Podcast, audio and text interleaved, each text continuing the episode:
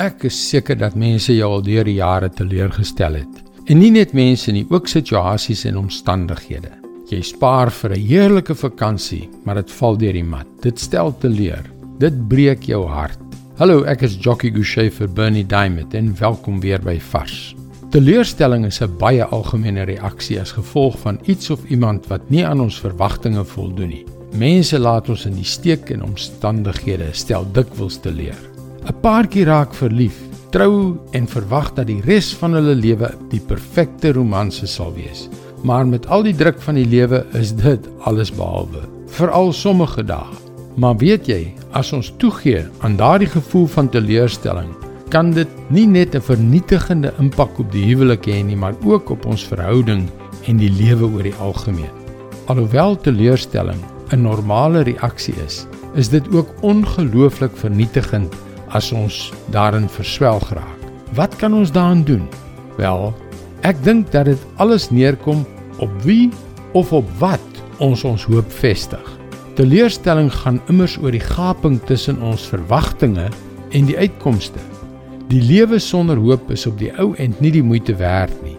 Waarop vestig jy jou hoop? Romeine 8 vers 24 en 25. Ons is immers gered en ons het nou hierdie hoop.